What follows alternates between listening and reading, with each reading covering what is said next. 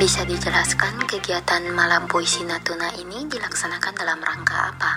Alasan utama Malam Puisi Natuna hadir adalah guna memperpanjang umur kebudayaan dan seni di Natuna gitu. Kegiatan Malam Puisi Natuna juga sebagai ruang alternatif bagi masyarakat untuk berekspresi. Tidak hanya puisi, kegiatan ini meluas ke seni-seni lainnya seperti tari, musik, teater, bahkan rupa.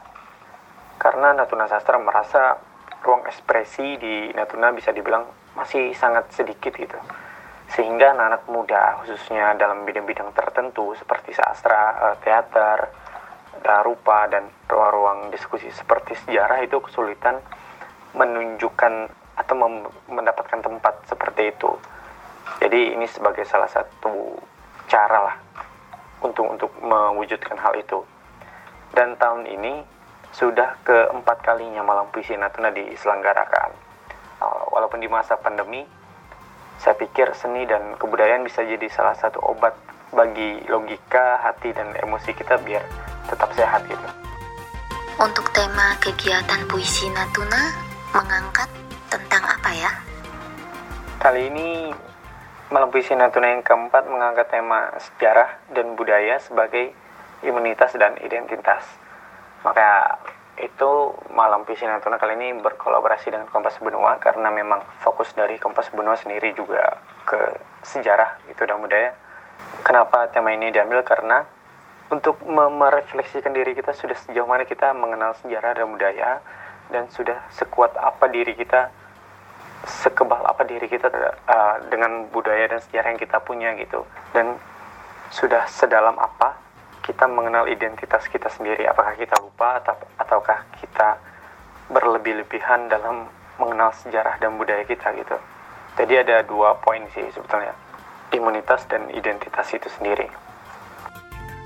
Siapa saja yang ikut dalam kegiatan Malam Puisi Natuna atau yang berpartisipasi? Jadi pada malam minggu nanti kita akan melihat sejarah, seni, budaya, dan sastra dalam satu ruang untuk kita rayakan bersama atau untuk kita refleksikan bersama sudah sejauh mana kita mengenal sejarah dan budaya kita gitu? Sudah sedalam apa kita mengetahui hal itu? Sebetulnya siapa saja bisa berpartisipasi di malam puisi Natuna gitu. Bisa membawakan pantun, syair ataupun gerindam, puisi, monolog dan lain lain sebagainya lah gitu. Selain dari peserta-peserta yang sudah kita siapkan ya, jadwalnya gitu di malam puisi Natuna karena memang kita sudah menyediakan ruang kosong untuk para penonton tampil secara langsung di tempat gitu. Ini kan masih dalam suasana pandemi COVID-19. Apakah dalam kegiatan ini menerapkan protokol kesehatan? Hal utama yang dipikirkan oleh Natuna Sastra ketika mau menyelenggarakan malam puisi Natuna adalah masalah protokol kesehatan seperti apa? Seperti pemilihan tempat terus uh, apa apa saja yang disediakan. Dan maka dari itu kita milihnya di aula SMA 1 Bungaran Timur aula Syamsul Hilang kenapa? Karena ya ruangnya tertutup terus kapasitasnya juga memungkinkan uh, jaraknya juga dekat lah seperti itu. Dan kita sudah koordinasi dengan satgas koordinasi terus kita juga sudah konsultasi bagaimana bagaimananya dan dengan yakin kita menyelenggarakan malam visi nontonan dengan mematuhi protokol kesehatan itu.